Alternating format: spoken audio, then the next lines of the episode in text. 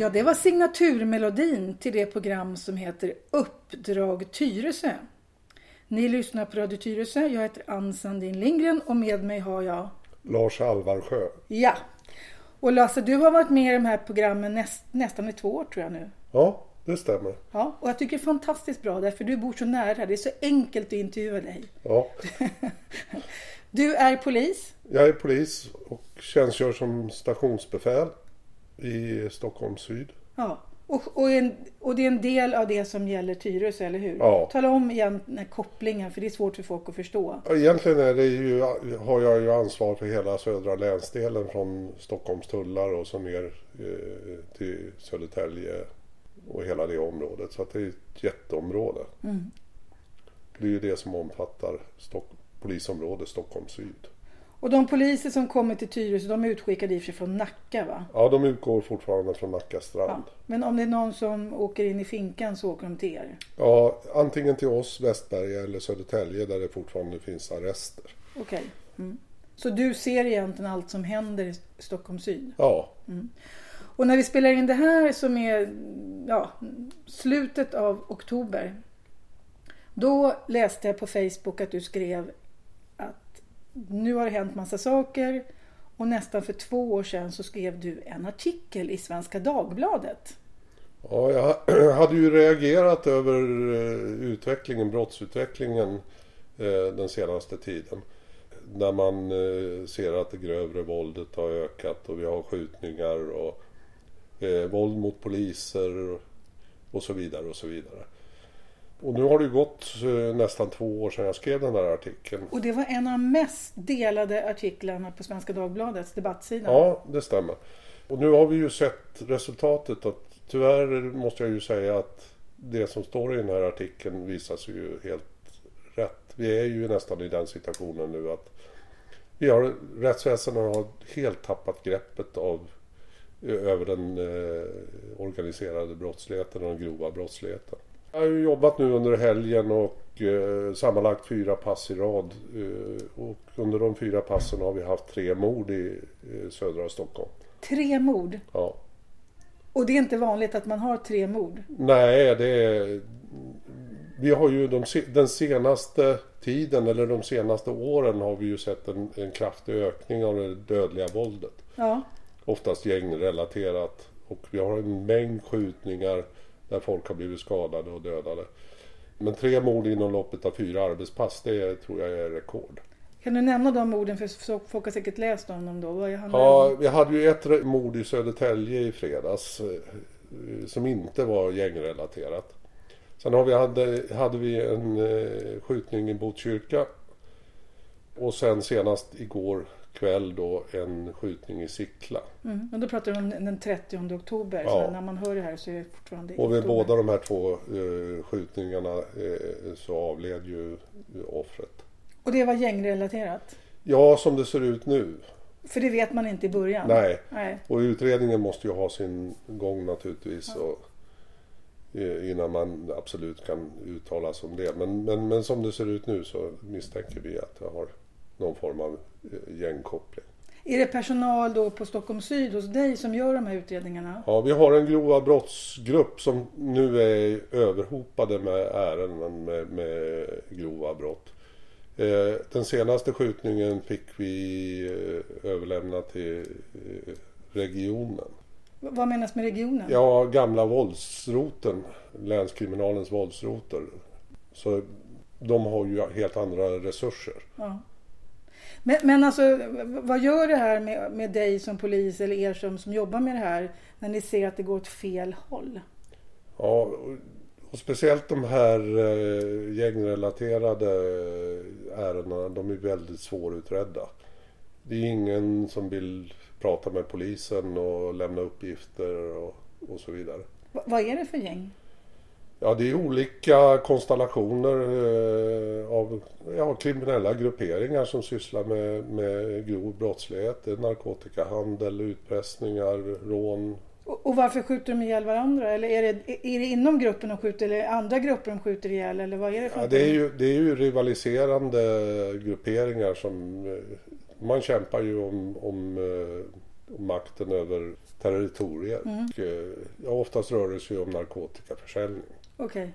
Det här programmet ska vi inte fortsätta prata om det här för vi, vi kommer göra fler program. För vi lovade lyssnarna förra gången när du var med att vi skulle försöka reda ut lite begrepp. För att det här med alltså, vad polisen får göra och det här vad, vad vi som vanliga medborgare får göra. Det finns massa begrepp. Så vi ska ha lite polisskola. Ja, jag tänkte att vi skulle reda ut lite olika juridiska begrepp och Ja. polisiära termer och så vidare. För det är ju svårt för gemene man att, att hänga med i alla turerna. Verkligen. Och en av orsakerna till att vi ska göra det är att eh, vi, du och jag bor i samma område och vi var med om en sak i somras. Där vi hade en person som var våldsam. Och vi grannar försökte liksom hindra den här personen. Vi visste egentligen inte vad vi fick göra. Vi stod mest och, och, ropade och skrek åt den här personen. Och så ringde vi på dig. Och då kom du upp och så gick du bara rakt fram till personen, visade din pr- polisbricka och sa du är gripen. Och då blev vi väldigt förvånade för då lugnade den här personen ner sig. Men då kom vi in på gripa, anhållad, häktad. Vi har ingen riktigt koll. Vad hade vi kunnat gripa den här personen? Kan du reda ut det här med först, vad är gripa en person? Ja, just det. Ja, alltså, man griper en person, då frihetsberövar man ju den. Och det är ju en rätt som alla människor har. Att eh, om man är vittne eller ser någonting, eh, ett brott som kan leda till fängelse, så har man rätt att gripa personen på bar gärning eller flyende fot som det heter i, i lagtexten. Så det är en rätt som, som alla kan, kan använda sig av. Vad gör man då när man griper någon? Ja, då, då får man ju se till att man håller kvar personen och snabbt tillkallar polis. Och sen får man ju hålla personen till polis anländer. Och det ska ju ske liksom skyndsamt. Skyndsamt, ja. Du har alltid rätt att gripa. Ja, jag som polis kan ju träda i tjänst om, om jag ser något eh, brott av allvarligare karaktär så kan jag så att säga träda i tjänst direkt. Måste du tillkalla poliser som är i tjän- tjänst då om du också griper en Ja. person? Vad hade vi kunnat göra som grannar? Hade vi kunnat gå fram och hålla fast den här personen och ringt till polisen? Ja, det hade ni kunnat gjort. Och i samband med att man gör ett så kallat envarsgripande så får man ju använda ett visst mått av våld också. Vad är en vars, så är en varsgripande? En varsgripande det är när, när eh, en vanlig medborgare eh, eller en väktare till exempel eller en ordningsvakt eh, griper en person. Alltså någon annan än en polisman. Det är ett envarsgripande. och då får man hålla fast personen hårt om man vill. Va- vad får man göra? Vad får man inte göra? Ja, man får ju använda det våld som är nödvändigt med hänsyn till, till omständigheterna. Och det ska vara ett försvarligt våld. Man får inte använda dödligt våld på, på något mindre allvarligt brott naturligtvis. Utan det ska vara ett försvarligt våld, alltså inte mer våld än nöden kräver. Och sen när polisen kommer, vad gör de då? Då övertar de det här envarsgripandet och prövar det på plats vanligtvis. Om man då säger att den här personen varit hotfull och kastat stenar och skrikit och sagt jag ska döda dig och allt vad det är för någonting. Hur vet jag som medborgare att det var okej för mig att hålla kvar? Hur vet man Alltså hur farligt måste det vara? För att det är väl också liksom svårt att veta. Om någon står och kastar massa grejer mot ett hus till exempel. Ja, men då, då är det ju en fara att det blir eh, skador på fastigheten. Och, och eh, hotelser, det är ju olaga hot. Så då har vi ju fängelse i straffskalan. Så att då, Får man... då, då kan man gripa. Ja, det får man göra. Nästa grej, det här med anhålla då. då. Vad, vad, vad, vad händer då när personen blir gripen? Då tas den... I Tyresö kommer då förhoppningsvis en radiobil från Nacka. Ja, och då tar man med den här personen om man inte häver eh, envarsgripandet på plats. och upptäcker att det här är bara en massa Ja. larv. Mm. Eller avvisar eller avlägsnar personen. Så då kan man ju köra bort han en bit och, och släppa av han. Men, men eh, ska frihetsberövandet bestå då tar man med personen in till polisstationen. Och där är det ett befäl, det vill säga jag, som prövar om, om eh, gripandet ska bestå och om personen ska låsas in i arrest. Vi som då har varit i närheten då. Ska vi skriva ner vad vi har varit med om eller blir man förhörd på, alltså de poliser som kommer, tar de upp liksom vad som har hänt? Oftast så tar ju polispatrullen uppgiften av er på, på plats. Ja. i en eh, förhörsutsaga. Och sen kan ju en utredare ringa upp och komplettera den i efterhand sen.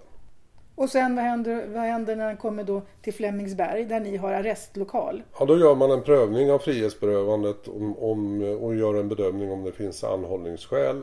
Och finns det anhållningsskäl då låses personen in i en eh, polisarrest.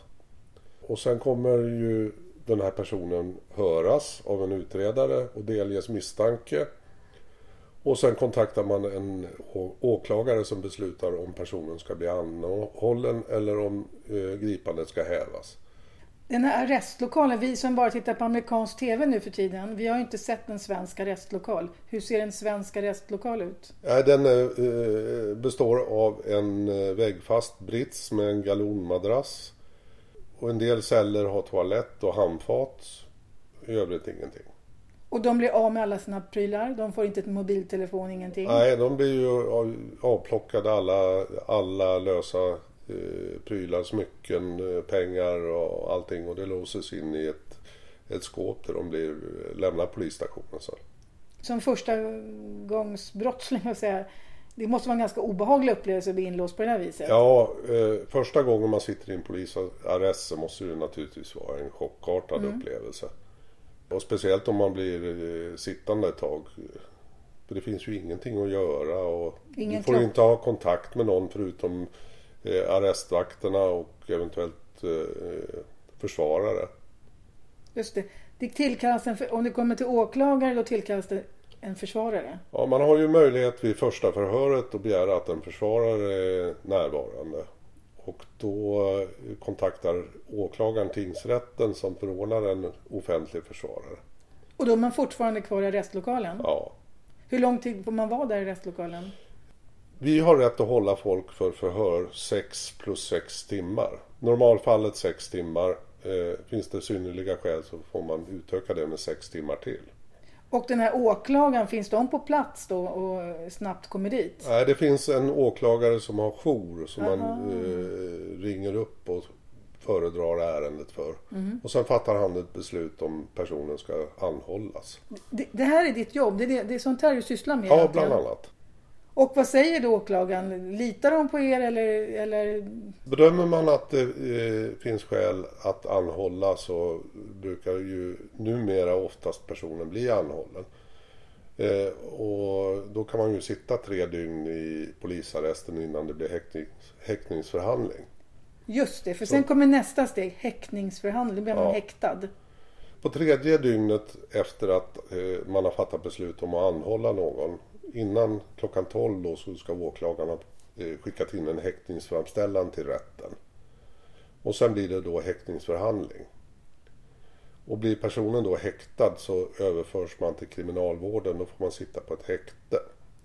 Den här häktningsförhandlingen, är det liksom bara en snabb grej på polisstationen eller? Är Ja, det... det sker oftast i, i eh, tingsrätten. Så personen får förs till tingsrätten? Ja. Det måste vara väldigt mycket folk som åker fram och tillbaka i... Ja, eh, nu har ju vi Södertörns tingsrätt ligger i anslutning till polishuset. Så det- Aha, så det är inget svårt? Nej. Och sen ligger ju häktet eh, sen vägg i vägg så att det är inga långa transportsträckor. Nej. I häktningsförhandlingen, vilka är med där? Den häktade, Då har man en, en eh, ordförande för rätten, den misstänkte och dennes försvarare. Och sen eh, sitter ett antal nämndemän. Jaha, så då, då, Plus protokollförare. okej, och då är det inga vittnen än så länge? Nej, Nej. Okej, så bestämmer man sig, pers- okej, personen blir häktad. Förs då till, till häktet. var ligger häktet någonstans? Häktet Huddinge ligger vägg i vägg med polishuset. Jaha, samma. Hur ser, hur ser cellerna ut där då? Vad, vad, De ser ungefär likadana ut som på polishuset. Men där har man möjlighet, till, om man inte har restriktioner så får man eh, röra sig och träffa övriga fångar utan restriktioner. Och se på TV? det kan man göra. Det är ju tingsrätten som meddelar restriktioner.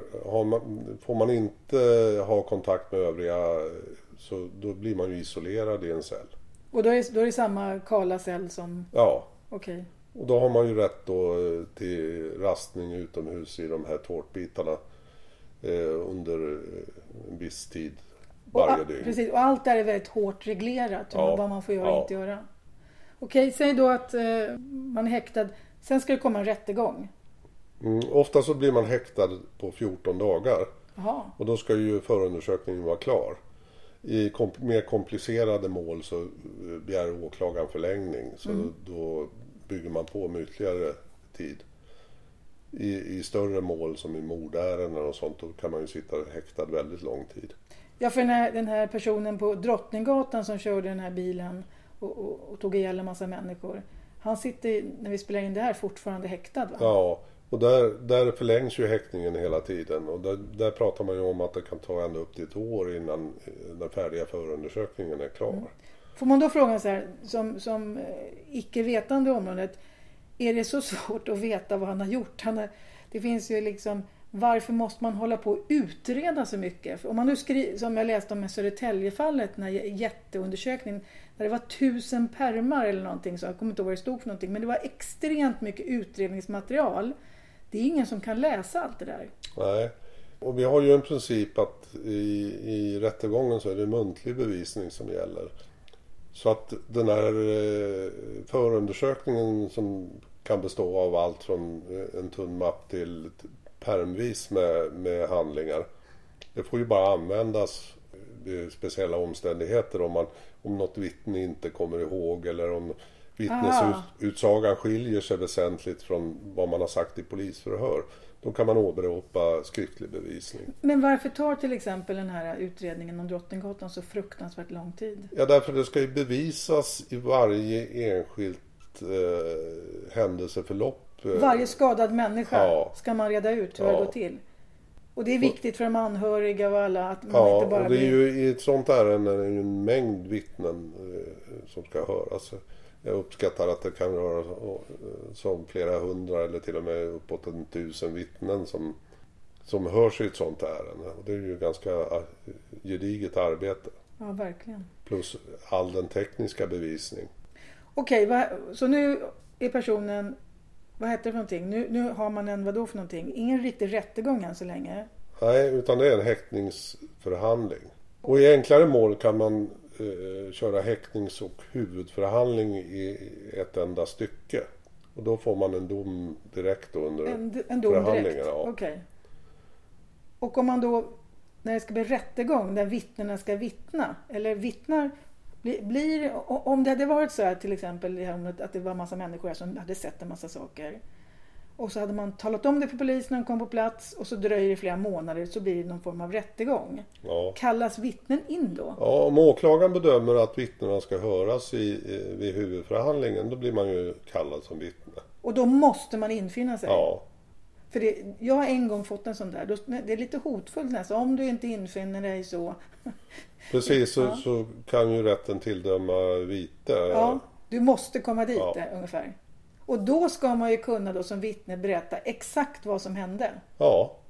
Och då är det viktigt att man säger precis det man kommer ihåg och inte lägger till eller drar ifrån någonting. Utan, och, och kommer man inte ihåg då, då får man ju säga det. Ja.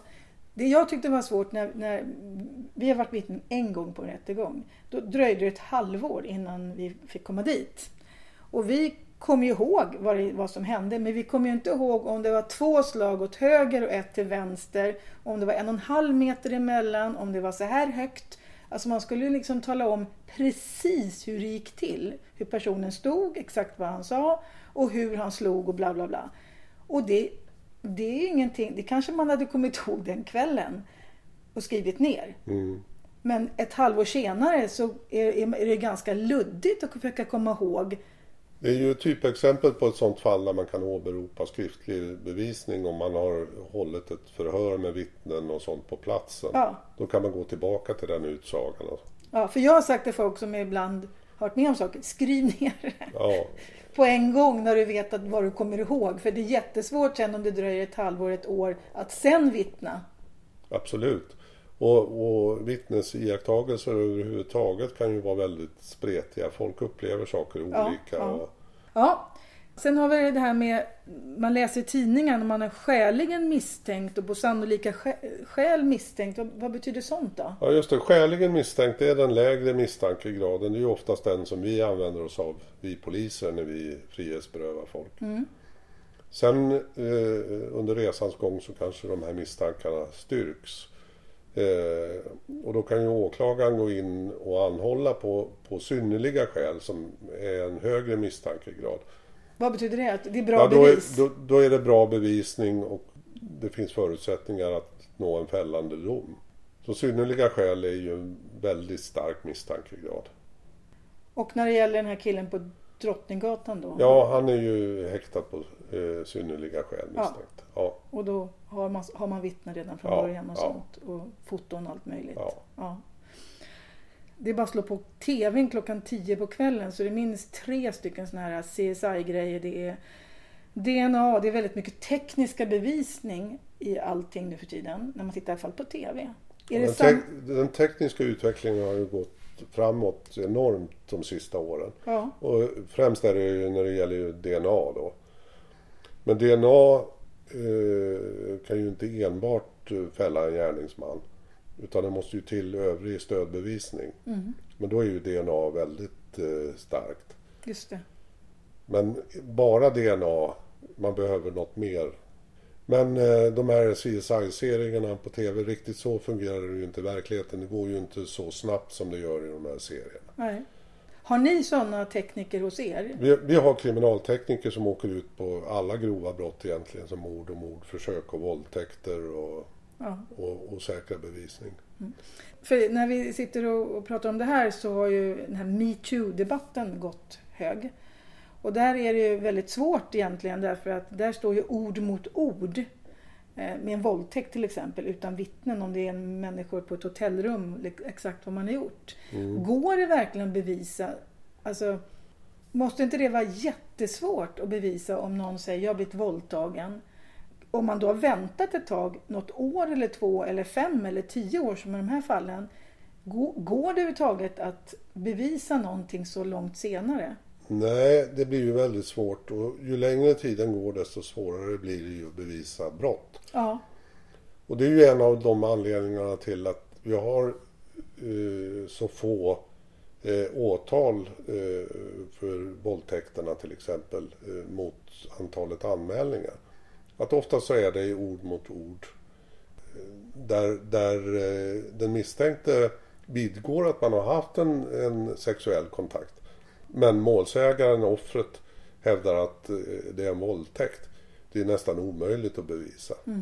och inte ens kanske heller om man skulle åka in på akuten direkt efteråt. Så det är ju inte, han kan ju säga att du gick med på den här våldsamma sexakten. Det går ju inte, Det, nej, det är det omöjligt. måste vara jättesvårt. Ja. Och det är en av de anledningarna till att många av de här ärendena läggs ner. Mm. Sen är det väl bra att man anmäler saker hela tiden va? Ja, visst. För att det måste ju ändå vara så att om, om det är många människor som har eh, sagt att den här personen har gjort det och det. Då, då ökar väl misstankegraden. Ja, då, då det, det, ligger ju, det belastar ju den, den misstänkte så att säga om man Ja. har liknande historik i, i bakgrunden. Visst gör det det. Men, men eh, trots allt måste vi ju ha någon form av bevisning i, i ärendet för att man ska kunna leda det till åtal. Nu när det är metoo så verkar det ju räcka med ibland att någon har sagt någonting som hände för väldigt länge sedan. Och det räcker några vittnen. Och sen kan man ju säga så här, de här kvinnorna kanske är extremt trovärdiga. Men det är väldigt svårt. Det är inte så här, i- min värld är det inte så att alla kvinnor alltid talar sanning och alla män alltid ljuger. Så det är väldigt undligt just nu när det rullas huvuden i någon Mm. slags folkdomstol på sociala medier. Ja, sen sen det- kanske det är så att de är skyldiga, det vet inte jag någonting om. Men det är Ja, lite det verk, verkar ju som det är någon fördämning som har släppt. Att Ja. man har gått över någon gräns och sen är det fritt fram och, och gå ut med namn och allting och hävda att de har begått det ena eller det andra brottet. Inte ens dömda våldtäktsmän hänger vi ut med namn och bild. Nej. Eller mördare. Det, det är väldigt få av de här stor, eller morden i Sverige som vi liksom har på första sidan. Det är mm, vissa kända brottslingar som hela tiden figurerar. Men det är inte så att man dagligen, för om, nu, om det är nu mord som har skett nu i södra delen av, av Stockholm. De här tre mördarna har vi ju inte hängt ut. Nej. Om vi nu hade hittat dem. Nej. Nej men så är det ju att eh, Men det verkar ju som att eh, har man någon form av offentlig eh, eller känd i offentligheten så är det fritt fram och, och liksom hänga ut med namn och, och bild. Ja, och det hängs ut även i sociala medier om människor som inte är kända i deras kretsar. Ja. Det väldigt, ja. Så det här, det här är också en, liksom en grej, hela, vi har en rätts, ett rättssystem där man är oskyldig tills man blir dömd. Ja, Och när, när, om, om du nu titt, om vi tittar på det här igen med eh, även på sannolika, vad heter det, på sannolika skäl misstänkt. ja. Då är man fortfarande inte dömd. Nej, utan eh, det är ju först när man är dömd i dom, domstol och eh, domen vinner laga kraft. Det är ju, det är ju då först. Om, om man då blir dömd på, i tingsrätten. Ja, så kan man ju överklaga domen till, till högre instanser. Då har, har den inte vunnit laga kraft Nej, ännu. hovrätten. Och Ja. då ska ju förhandlingen tas om i hovrätten. Oftast då kan man använda det materialet som har presenteras i tingsrätten. Så de behöver ju inte kalla alla vittnen och, och sånt på nytt. Utan man kan använda ljudupptagningar som har skett i tingsrätten. Och sen prövar ju hovrätten om tingsrättens dom ska stå fast. Och laga kraft, när, när sker det? Ja, det meddelar ju tingsrätten i domskälen.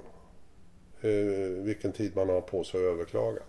Men har man överklagat då har den inte laga, vunnit laga nej. kraft. Så att egentligen är man inte skyldig förrän hela rättsprocessen är klar. Nej, Och precis. det kan ta några år ibland. Det, I komplicerade mål kan det ju ta väldigt lång tid. Ja. Om man tänker sånt här fall som hände här med en hotfull person, hur fort gick det genom systemet? Det var ju ett enklare ärende så att jag kan tänka mig att eh, och personen var ju frihetsberövad och blev anhållen och häktad så att eh, det gick nog ganska fort. Det gick ganska fort. Ja. Vi, vi prioriterar ju de fallen där det är frihetsberövat. Då har vi ju eh, våra tider vi måste hålla. Om ni tar fast en person som har ett stort register, det vill säga gjort mycket innan. Är det, för att du pratade i den artikeln, om nu kommer tillbaka där vi började. Den artikel du skrev på, i Svenska Dagbladet handlar väl lite grann om rabatter också va? Ja. Eh, det finns ju en förundersökningsplikt eh, att man är skyldig att inleda förundersökning på brott som lyder under allmänt åtal. Och så finns det vissa undantag till det som gör att man kan lägga ner ett ärende direkt. Eh, och det gör ju vi poliser oftast redan vid granskningen när vi granskar anmälan. Om det vi- inte finns någonting Ja, om att vi, gå på. om vi ser att det, det, det finns inga, inga spår eller vittnesuppgifter eller någonting. Ingenting att gå på. Då, då kan vi lägga ner det. Sen har ju eh, åklagaren en åtalsplikt. Och där är det ju också massa undantag med åtalsbegränsningsregler och man kan få åtalsunderlåtelse och eh, är man misstänkt för andra typer av brott eller dömd för andra typer av liknande brottslighet nyligen så kan man begränsa åtalet och plocka bort vissa brottsrubriceringar. Så man tar dem som man har lättast att bevisa. Ja, Och det, det är kanske det som Ja. personen erkänner. och sen kanske inte ytterligare brott påverkar fängelsestraffet. Ja, eller för, det, straffet. för det är väl annorlunda i Sverige att till exempel, man, nu är man ju helt inne på amerikanskt rättssystem bara för att man ser så mycket filmer. Men där kan man ju brott för brott för brott, de kan ju bli dömda till 150 år. Ja, och där kan man få straffskärpning om man begår eh, brott för andra, tredje gången. Så Mm. lägger man på ett antal år för varje. Men så gör inte vi i Sverige. Nej, den principen har vi ju inte här. vi är utan- precis tvärtom. Ja. Så har du en person som har begått kanske 15 brott som är under utredning så kanske åklagaren väljer att åtala för fem av de brotten. Och resten läggs ner. Och då är de nedlagda för gott. Ja, då Då är kan, det, då då kan är- man inte plocka upp dem igen. Nej, då är det ju åtalsbegränsning. Sen har vi en annan sak vi måste också gå in Det är det här med ålder. När kan, när är man liksom... När, när kan man bli eh, gripen, anhållen och häktad? Kan, vilken ålder pratar vi om? Man är just, I Sverige är man ju straffmyndig från det man fyller 15 år. Då kan man åka in på häktet. Ja. Sen eh, är det vissa speciella regler som gäller mellan 15 och 18 år.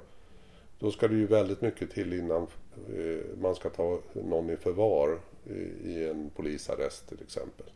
Men eh, polisen kan ju även göra utredning på de som är under 15 år. Men då är det ju enligt lagen om unga lagöverträdare.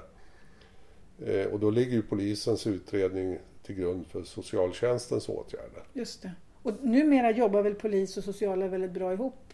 Ja, det, vi har ju socialjour som sitter i samma byggnad och vi har ju väldigt tätt samarbete. ja. Men här har det varit ett problem nu när vi har så unga förövare. Va? Att man i de här gängen då ser till att de här som gör dem innehar vapnen är under 15 år. Ja, Eller knarket eller... och det räcker ju med att vara under 21 år för då finns det ju strafflindringsregler. Så man blir inte dömd till, till samma straff om du är under 21 när du har begått brottet. Som om du hade varit liksom över 21. Och nu när vi har fått många gäng där väldigt unga människor snabbt blir kriminella. Ja.